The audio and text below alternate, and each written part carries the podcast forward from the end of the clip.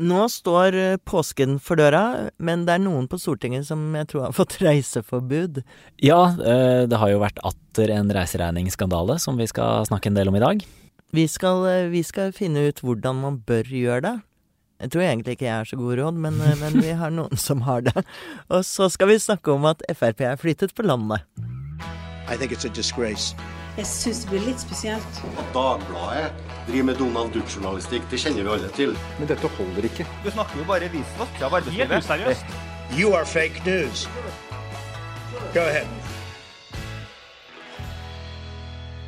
Hei, nå snek jeg meg forbi eh, et kontor i Dagbladet, og der kikket jeg inn, og der satt jaggu min gode kollega Lars Gulbrandsen. Og du så så svett ut. Hva er det du driver med? Vet du hva, Jeg har gått med en bulende um, telefon full av kvitteringer nå i, i, nesten en måned. Og tenkt hver dag at før jeg reiser hjem, så skal jeg levere reiseoppgjør fra Berlin. Og hver dag når jeg sitter på T-banen hjem, så tenker jeg at jeg skal gjøre det i morgen. Og i dag har jeg bursdag, men så tenkte jeg at likevel jeg sniker meg inn på et kontor. så du feirer med å, å, å lage ja, reiseregninger? Dette er perverst, ja, Poenget, problemet Maria, at, er at, at, hvis jeg ikke gjør det nå, så kvitteringene ligger så tett sammen at det, etter hvert så ser jeg ikke hva som står på dem. Og da ender jeg med at uh, jeg kaster kvitteringene i uh, irritasjon over meg selv at jeg ikke leverte det mye før. Ja, det er det vi har sagt om at det er vel heller sånn at uh, alder skylder oss penger ofte, enn omvendt. Men hva er det som er det verste liksom, med å, å lage reiseregning? Hvorfor er det et traume for alle? For de fleste. Det, det verste er at når du sitter og gjør det, så angrer du på at du faktisk var ute og reiste. For du, det, er, det, er, eh, masse føss med, med, kurs du skal regnes om, og så skal du huske hva det var, så skal du huske hvem du spiste middag med, og hvem du møtte. Og så, eh, er, så eh, du tenker at skal, nå skal jeg bare være hjemme framover. Men så går tiden, og så glemmer du det, og så gleder du deg til å reise igjen. Det var enklere da du reiste på diett. Men, men det var enklere før òg fordi vi hadde en sånn reisesekretær som satt og tok ja, vare på oss. Hvor, hvor, ble hun av? Hvor ble hun av? Mange andre forsvant. Men det, de jeg tenker på at uh, jeg liker egentlig tanken på at det er noen som ser over det jeg har levert. Mm. Fordi at uh, Det er rart med det at man vet at man Jeg tror alle forsøker å oppføre seg ordentlig, men jeg tenker det er bra at noen faktisk Du må skrive hvor du har vært, og hvorfor du er der. Jeg tenker det Og det er ganske, de er ganske strenge på det. Det er jo, ja. det er jo sjefen med undertegne og gå god for det før det blir sendt videre, og så går det gjennom flere ledd. ikke sant? Ja. Og jeg tenker at det er samme som du kan gå inn i en butikk og så kan du velge deg hva du vil, men hvis du ikke skal betale, så går du ut igjen og tar med deg varer. Det er litt sånn som jeg føler at uh, politikerne gjør når det er ingen som skal se over hva de har gjort, eller hvorfor de har reist. Det syns jeg er kjemperart. Men jeg ser nå i sosiale medier, og jeg kjenner på følelsen av at folk er litt sinte på de politikerne fordi at ja. de føler at de ikke blir straffet på samme måte som den selv. Er ja. Og så skal de, de sier at de skal stå til rette for velgerne sine. Mm. Men velgerne vil jo ha anstendige politikere som de respekterer mm. og ser opp til. Og da henger det der med at man uh, har tilliten, at noen må hjelpe dem å, å befeste tilliten igjen. Mm. Så jeg tenker Det beste de kan gjøre, er å si at noen må se over regningene mine. Mm. Da har du mye bedre samvittighet også. Ok, politikere. Her hørte dere fra en ganske alminnelig velger som nå svetter over regnskapene sine. Ja, og fordi at du kom innom meg nå, så kan jeg utsette dette og levere regnskapsregning til i morgen. Flott. Oi, det der minner meg om at jeg eh, må levere reiseregninger for Senterpartiets landsmøte, som jo var for noen uker siden. Når jeg tenker meg om, så har jeg vel ikke levert for dekningen av det svenske valget heller. Var du egentlig og dekka det svenske valget, Marie? jeg var i hvert fall en svipptur til Strømstad på spa. Nei. Nei da. Vi, dette er jo egentlig dypt alvor, uh, denne foranledningen til at vi snakker om reiseregninger, som jo er traume for mange. Uh, det er blitt avslørt juks på Stortinget igjen. Denne gangen Arbeiderpartiets Hege Haukeland Liadal, som har, har eh, krevd penger for, for, reiser hun ikke engang har gjort. Hva er det som har skjedd, Ola? Nei, der, det minner litt om den samme saken som, eh, som med Keshvari. Eh, Frp-representanten som også er bedragerisiktet nå for å ha fakturert eh, Stortinget for reiser han aldri har vært på. Eh, samme er det med Liadal. Hun har vært på ferieturer på hytta i Østerrike, på Beyoncé-konsert i København. Hun har vært eh, litt på reise rundt i, i hjemfylket sitt, eller bare vært hjemme, samtidig som hun har skrevet reiseregninger for at hun har vært på strandrydding, eh, lakseelvbefaring, møter med fagbevegelsen eh, osv. Som, hun- som hun aldri dro på. Og med Kreftforeningen også. Og Kreftforeningen, er riktig. Men hva er liksom forklaringen hennes på dette her? Eh, Den varierer litt. Den ene er at eh, hun sier at hun, eh, hun skriver reiseregninger for reiser som ligger inne i kalenderen hennes. Og hun sier at hun har skrevet reiseregninger i forkant av selve turene. Og så har de blitt avlyst etterpå, og da har hun da likevel fått de pengene. Og nei, det er jo ikke normalt. Det har jo Jonas Gahr Støre også sagt, at det er åpenbart for de aller fleste at man fakturerer eller skriver reiseregning etter man har vært på en tur, ikke, ikke før man drar. Men Liadal er jo en av de eh, som reiser aller mest. Hun er jo den stortingsrepresentanten som har fått desidert mest penger tilbake i, eh, i sånne eh, kostgodtgjørelser. Eh, Men det er ikke så- rart når du er på Beyoncé-konsert hele tiden. Ja, ja, gud vet eh, hvorfor det i så fall har gått i surr, men eh, i det hele tatt da, så syns i hvert fall ikke jeg at eh, forklaringen hennes fremstår, fremstår veldig troverdig på at dette er noe som bare har, eh, bare har skjedd som et uhell. Det virker jo som at hun her har vært ganske nøysommelig i eh, beskrivelsen av turer som aldri har skjedd. Jeg tenker at hvordan du er, eh, du er litt sånn oppriktig indignert over dette her. Ja, jeg, jeg, jeg blir forbanna. Uh, og det er fordi altså, tilliten til politikere polit er ganske skjør. Politi mm. politikerforakten er stor. Og når folk får et bilde av stortingsrepresentanter som tjener en million kroner i året, har rause pensjonsordninger som uh, har gratis bolig i Oslo hvis de er utenfor fylket, osv., osv., at de da samtidig skal snike til seg mer penger ved å eh, skrive fiktive reiseregninger og spe på da inntekten med 60 000, da, som det er det Aftenposten har avslørt at eh, Lia Dahl har fått. Da blir jeg oppriktig forbanna, for det er med å bryte ned hele tilliten til, eh, til det politiske systemet og til, til politikerne. Eh, når jeg ser på reaksjonene, så er det jo selvfølgelig mange som er sånn som deg. Så er det noen som innrømmer at de har et traumatisk forhold til reiseregninger selv. Men Geir Ramnefjell, det mange lurer på, som jeg ser er, Det virker som folk ikke helt skjønner hvordan Stortinget fungerer. For mange sier liksom at uh, hvorfor får hun ikke bare sparken? Men uh, Stortinget er vel ikke som andre bedrifter. Nei, er jo, du er jo valgt inn på et mandat fra, fra folket. Eh, og det skal utrolig mye til for at du eh, skal eh, fritas da, for, det, for det mandatet som folket har, har gitt deg. Det er, sånn, det er vel noe sånn at du må på en måte eh, stå i ledtakt, ledtog med fremmede makter. Eller, altså, sånn, må, det, det skal nesten ikke være mulig da, eh, å miste det vervet. Um, og, og, men, men det betyr jo ikke at det ikke får konsekvenser. Altså, Liadal har jo trukket seg som, som nestleder for, eh, for fylkesstyret i, sin, eh, i, i sitt fylke.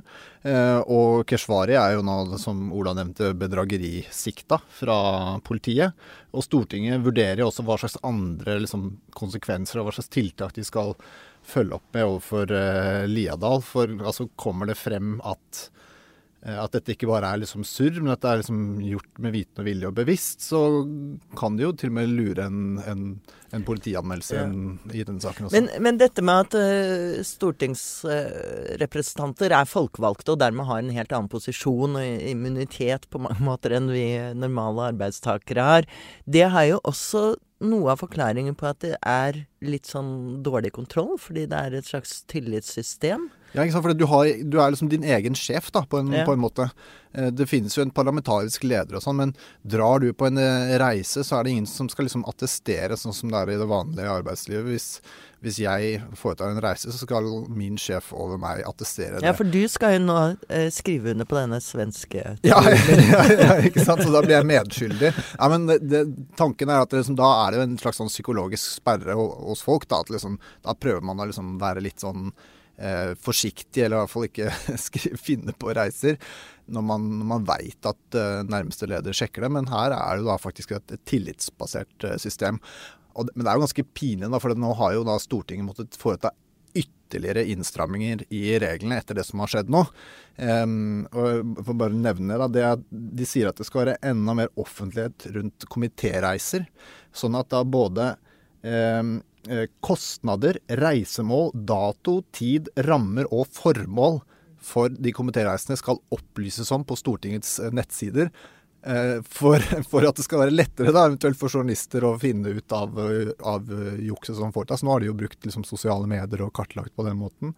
Og i tillegg så sier Ja, vi, vi eh, plikter å, å si at det er Aftenposten som har vært Ja, ja, ja, Aftenposten. i disse sakene. Veldig bra. Eh, og så sier de også at eh, det skal være eh, Reisen skal hovedsakelig være tjenesterelatert. Og hvis det kombineres med privat, så skal det tydelig redegjøres for når de skriver eh, reiseregningene.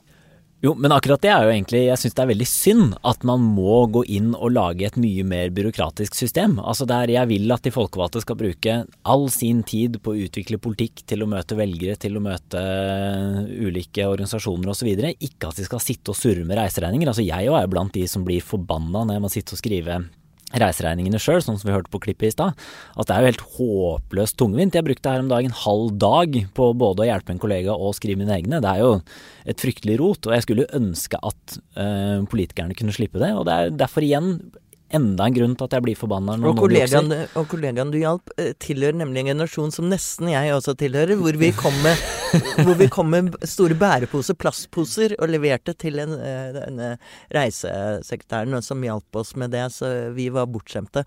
Men jeg tror også at folks reaksjoner både handler om tillit, selvfølgelig, at man uh, syns at dette er alvorlig. Det er jo nærmest uh, underslag, som noen sa, å, å ta penger fra kassa på den måten. Men, men det handler jo også nettopp om at de ikke blir utsatt for det samme harde regimet som resten av befolkningen. At de liksom blir skjermet fra de eh, eh, Altså reaksjonene og konsekvensene av handlingene sine. Ja, mye som politikerne òg har vært med på laget selv. ikke sant? De er med å innføre strenge regimer for hvordan, eh, hvilke reaksjoner folk på, som får Nav-støtte skal få hvis de har fått for mye Nav-støtte, og regler i offentlig sektor osv. som er kjempeharde. Altså, det er beinhardt når du gjør det, her, og så opplever da folk at her lager de ett sett regel for seg selv, og da, da skjønner jeg at de blir sure.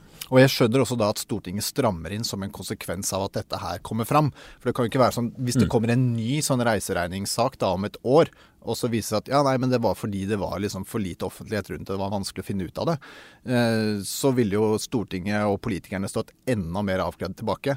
Men det morsomme i denne saken er jo også det at eller Det er morsomt, jeg vet ikke. Men tenk så sure alle stortingskollegaene blir for at eh, systemet nå blir liksom vanskeligere for, for fordi, fordi man lagde disse fiktive. Så det er liksom det er jo den dobbeltstraffen som kommer da sånn alle kollegene Men, sånn. men er det noen tegn her? Altså Jeg husker da jeg var London-korrespondent, så, så var det masse skandaler i britisk politikk, og da hadde de en sånn slags tommefingerregel at de konservative de hadde sexskandaler, mens uh, Labour, Arbeiderpartifolk, de drev med økonomiske skandaler. Er det noen slike politiske Altså? Både Frp og Arbeiderpartiet har vel vært hefta med begge deler nå, da, siste, siste halvannet året. Ja, det er vanskelig å trekke noen sånne klare, klare linjer. Så det er, det er det Hva er det heter? Det fins brodne kar i, ja, overalt. Så det er vel det, samme som gjelder her. Så alle må skjerpe seg. Eller jeg syns jo egentlig Anine Kierulf uh, tvitret en god regel. Ikke krev penger for reiser du ikke har tatt.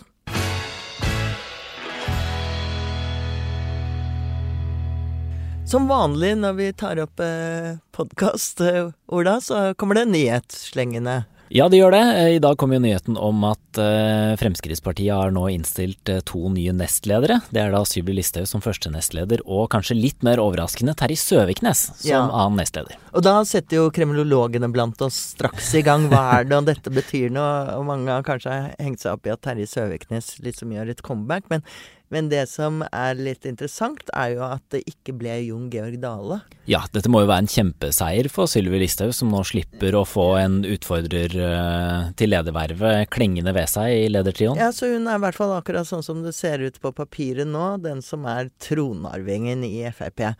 Og Frp skal vi snakke litt om nå. Eh, Det ser jo ut som om de trenger å gjøre noen grep her. De hadde en grusom måling her eh, foran kommunevalget i Oslo, som en gang var en liksom bastion for Frp. Nå er de nede i 3% 3% det er jo helt vilt. Det er helt vilt. Det er en halvering siden forrige kommunevalg, og Rødt er tre ganger større enn den. Så Johannes Berg, Institutt for samfunnsforskning, du er jo vår valgekspert. Eh, hva er dette uttrykk for? Ja, eh, det kan være uttrykk for flere ting, selvsagt. Det, det er jo delvis ting som skjer eh, i nåtiden. At, at, eh, Fremskrittspartiet i Oslo kanskje ikke har maktet å profilere seg på den måten de, de en gang gjorde. Men, men, det skjer også noe som er på en måte de lange linjene over tid. Eh, som handler om at eh, Fremskrittspartiet en gang var et parti som hadde sitt eh, fotfeste her i Oslo. De startet på Saga kino, var det ikke det? Anders Langes parti. Eh, i hovedstaden, og, um, og, har vært, virkelig hatt sin styrke eh, i hovedstaden helt frem til 1990-tallet, tidlig på 2000-tallet. Så var de større i Oslo enn i landet for øvrig. Men så har det skjedd en, en transformasjon eh, gradvis, eh, hvor partiet startet med å gjøre det bra eh, i en del kommuner på Vestlandet. Eh, gjerne sånne litt sånn forstadskommuner, apropos Søviknes, Søviknes sin hjemkommune. Uh, og, og, ble mer og mer av et parti for, for periferien, da, eller for, og særlig kanskje på Vestlandet. Uh, mens de da har mista fotfestet i, i, Oslo. Og denne valgkampen så ser man det på en måte, eller den valgkampen som i hvert fall er i ferd med å starte, at uh, de nærmest har utpekt liksom Senterpartiet som en av sine hovedmotstander. Ja, og, og, det er jo ikke ulogisk. Altså, Fremskrittspartiet har jo alltid vært et slags sånn protestparti som protesterer mot uh, eliten. Uh, de representerer vanlige folk uh, uh, osv. Og, og det kan man jo for så vidt også si at Senterpartiet uh, har spilt den rollen da i, i norsk politikk. Men Fremskrittspartiet har vært et slags urbant parti lenge, men, men det, det, er da i ferd med å, med å snu. Og, og, og, hvorfor gjør det det? Kanskje skyldes det egentlig at at, eh, partiet, at det på en måte passer bedre med partiets profil å være et slags sånn utkantparti som, som snakker eh, liksom sannhet til, eh, til de som styrer. Og som er, som Men de er ikke så flinke til å plukke opp disse proteststemmene? Altså Det er en setning jeg nesten ikke skulle tro jeg skulle si om Frp, at de ikke er flinke til å være populister. Men, men det er jo f.eks. flere bompengeaksjoner, ikke minst i Bergen så er det en egen bompengeliste. Hvorfor har ikke Frp liksom kastet seg over den gjengen? Ja, ja det kan du si. De, de, sitter jo i regjering, da. Eh, så, og det gjør, de jo, eh, gjør, jo, at de har ansvaret for den politikken. De har ansvaret for um, samferdselspolitikken. Så da er det kanskje ikke så rart at det kommer litt uh, protester uh, som, som, de ikke klarer å fange. Kjedelig å sitte med ansvaret. Det er kjedelig å sitte med ansvaret, men, men, samtidig må man jo si at Fremskrittspartiet har lykkes rimelig bra med å sitte med ansvaret, og samtidig klare å ha, ha en slags sånn proteststemme uh, utenifra. De er både innenfor og utenfor på samme tid. Men Du nevnte at de tok jo da stemmer på, på Vestlandet først, og de taper i Oslo. Men hvem, er det de, hvem tok de fra på Vestlandet, og hvem taper de til i byen? Ja, de har vunnet i deler av landet hvor altså, eh, sentrumspartiene tidligere har stått sterkt. Altså sånne tidligere venstrekommuner, og, eh, og for så vidt også Senterpartiet og, eh, og, KrF. Så det er de delene av landet hvor da Arbeiderpartiet, og kanskje heller ikke Høyre, i utgangspunktet hadde en veldig sterk posisjon. Så har Fremskrittspartiet klart å, å komme inn ja, som et slags sånn protestparti. Men det, det er gjerne de gjør det jo likevel eh, på en måte best der hvor altså, økonomien er rimelig grei. Det kan være sånne eh, fisk, altså oppdrettskommuner eller steder hvor, hvor, det gjerne er noe virk, virksomhet som gjør at det er mange arbeidsplasser, og ikke noe økonomisk krise, akkurat. Eh, men, men de vinner likevel da på en sånn protest mot, mot sentrum og mot eliten i Oslo. Mm. Og i byen, da? Der, hvem er det som Hvor går Frp-erne? Ja, eh, og hvor de går, ja. Fra, fra partiet. De, de, forlater vel Fremskrittspartiet kanskje til fordel for, eh, for Høyre. Da, i, det er Høyre mye, i hvert fall i Oslo. Ja. Det er, eh, men det som er påfallende, er jo at Frp Altså Oslo skulle man tro var liksom en eh, Sodoma Gomorra, den verste som fins. Det er mye kritikk av hvor elendig det er i, er i Oslo. Og kan det være en grunn til at Oslo-borgere er litt lei av partiet? De vil ikke bli fremstilt på den måten? Eh, det er i hvert fall innvandringskritikken har falt litt i jorden her. Ja, det, kan du si. Altså Kritikken av innvandring, kritikken av for så vidt de som, de som styrer landet og, og eliten som sådan. Altså Oslos befolkning er kanskje høyere utdannet enn befolkningen i, i snitt eh, ellers i landet. Så, så, så, det kan sikkert være et poeng. Ja. At folk i Groruddalen heller ikke syns at det er så forferdelig å bo der. Nettopp. Det, det er nok helt, helt riktig. Også, også det, men samtidig er det jo også et segment i, i Oslo som støtter Fremskrittspartiet, som er innvandringskritiske. Uh, så den Det forsvinner lite, da, siden det er 3 3 er veldig lite, og så kan det jo være andre grunner til at det går litt, litt opp og ned, da. Men, men uh, i de lange linjene er absolutt at Fremskrittspartiet går ned i Oslo og opp i landet for øvrig. Men, Nei, jeg tenker altså nå må jo alarmklokkene virkelig, virkelig ringe. Altså Ser noen av dere noen vei ut for, ut for Frp? Altså 3% det er jo helt fullstendig krise. Ja, det, er, eh, det, det, kan jo tyde på, i hvert fall i et kommunevalg, at eh, det er som eh, du var inne på, Johannes, en regjeringsslitasje. At de endelig møter den liksom vanskelige spagaten der, som de har klart ganske bra på riksplan. Men når de møter nettopp bompengeaksjoner og slike ting, så er det litt vanskeligere. Jeg tror nok det. altså Fremskrittspartiet klarte jo denne spagaten ganske bra ved forrige stortingsvalg. De de hadde utspill knytta til innvandring, og fikk, uh, fikk, innvandring til å bli en av de viktigste sakene ved valget. Uh, men uh, ja, som du sier, man kan ikke, holde, man kan ikke alltid fortsette med den dobbeltargumentasjonen til evig tid. Altså Til slutt så, så vil man kanskje møte seg sjøl i døra. Og, og Oslo-politikken ligger jo litt nærmere nasjonal politikk enn lokalpolitikken ellers i, i landet. Så det, kan, det, er gjerne sånn at de nasjonale trendene kanskje slår fortere inn i lokalpolitikken i Oslo enn en, enn i landet. Og da er det særlig noen som har grunn til å juble, for disse samme malingene viste jo fantastiske, nesten helt utrolige tall for rød-grønne og, og MDG. Ja. MDG gjør det jo ekstremt. De er nesten oppe i 10 var det vel sist måling. Absolutt. Arbeiderpartiet ligger ganske stabilt. De, ligger, de, de klarer ikke å mobilisere på samme måte. Men alle de andre rød-grønne partiene ja, Senterpartiet gjør det jo ikke godt i Oslo, men, men de andre på, på venstresiden, da, SV, MDG og Rødt, eh, mobiliserer som bare det. Eh, og de mobiliserer i landet som helhet, blant, blant de unge, blant høyt utdannede. Eh, det er en slags eh, venstrevind, kan man si, eh, i, i, i, norsk politikk, hvor, som de her partiene eh, nyter godt av. Som kanskje er en slags sånn reaksjon på den sittende regjeringen, at det blir liksom mobilisering på venstre side når man har en regjering med, med Fremskrittspartiet og Høyre. Eh, Men er det den urbane metoo-eliten, som det heter? De virkelighetsfjerne velgerne som ikke, ikke har sitt under negla? Eh, det tror jeg å ta litt hardt i, men det er jo riktig at det er urbane, og at det er høyt utdannede velgere eh, som særlig støtter eh, de her partiene.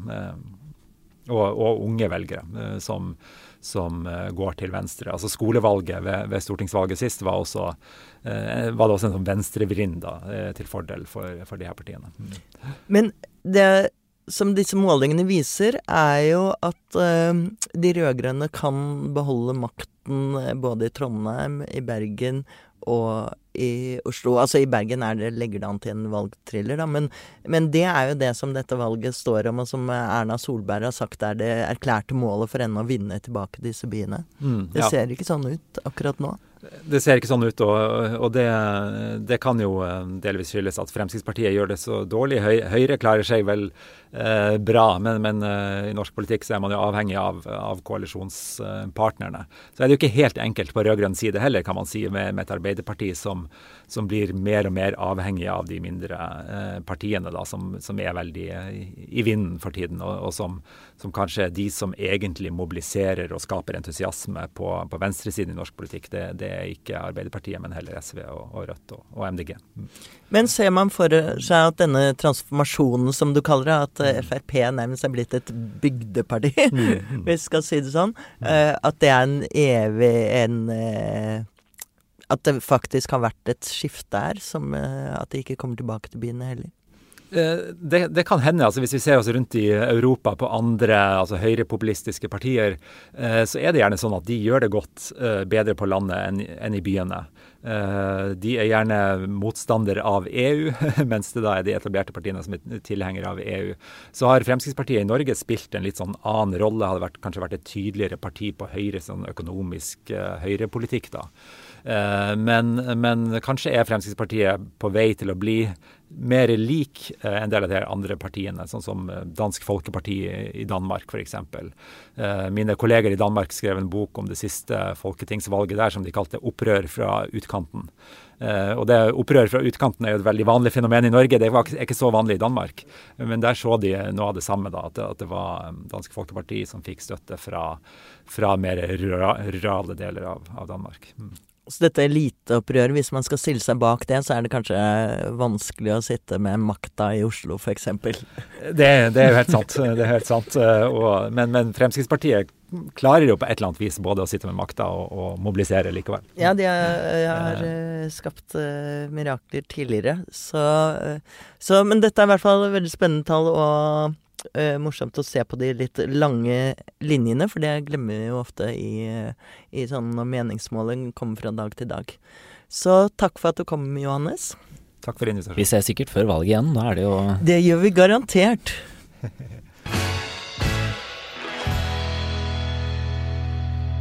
Ola, hva skal du gjøre 29. april, mandag? Da skal jeg høre deg på scenen på den fantastiske livepod-eventen som vi skal ha på På Chat Noir. På Chat Noir. Hvis eh, folk som ikke har vært på Chat Noir, så er det en fantastisk, eh, legendarisk eh, revyscene, selvfølgelig. Og hvor det er små bord, cocktailbord, hvor man da kan eh, sitte og drikke solo. Det hjelper alltid når, når, publikum er i godt humør, men på scenen Jeg tror ikke det blir vanskelig å få godt humør i salen eh, denne kvelden. For på scenen ikke. har vi Sigrid Bonde Tusvik, Marta Breen og Harald Eia. Herregud, det blir jo dritartig. Og meg. Og det blir jo da større enn Michelle Obama, som jeg så i Oslo Spektrum i går. ja, ja, ja, blir det det, Marit? Det blir stort, det er jeg enig i, men må, Vi må liksom ha oss hårete mål, Ja, det er sant, det er sant. Som, som man sier. Men eh, det er altså 29. april, mandag. Eh, på Chat Noir, og dere kan kjøpe billetter på Ticketmaster. Jeg tror det blir kjempegøy, og jeg syns det er flott om dere som er i nærheten, eh, kommer innom. Eh, og nå er det påske. Påsken står for dør. Absolutt. Eh, vi er klar for å gå den siste skituren, eller? Ja, ei, snøen er borte, er den ikke det? Jo, den er det. Vi, vi, får fri nå. Her i studio sammen med meg har som vanlig sittet Ola Magnussen Rydje. Dere har hørt på siste med Marie Simonsen, så ha en strålende helg og en fortsatt god påske.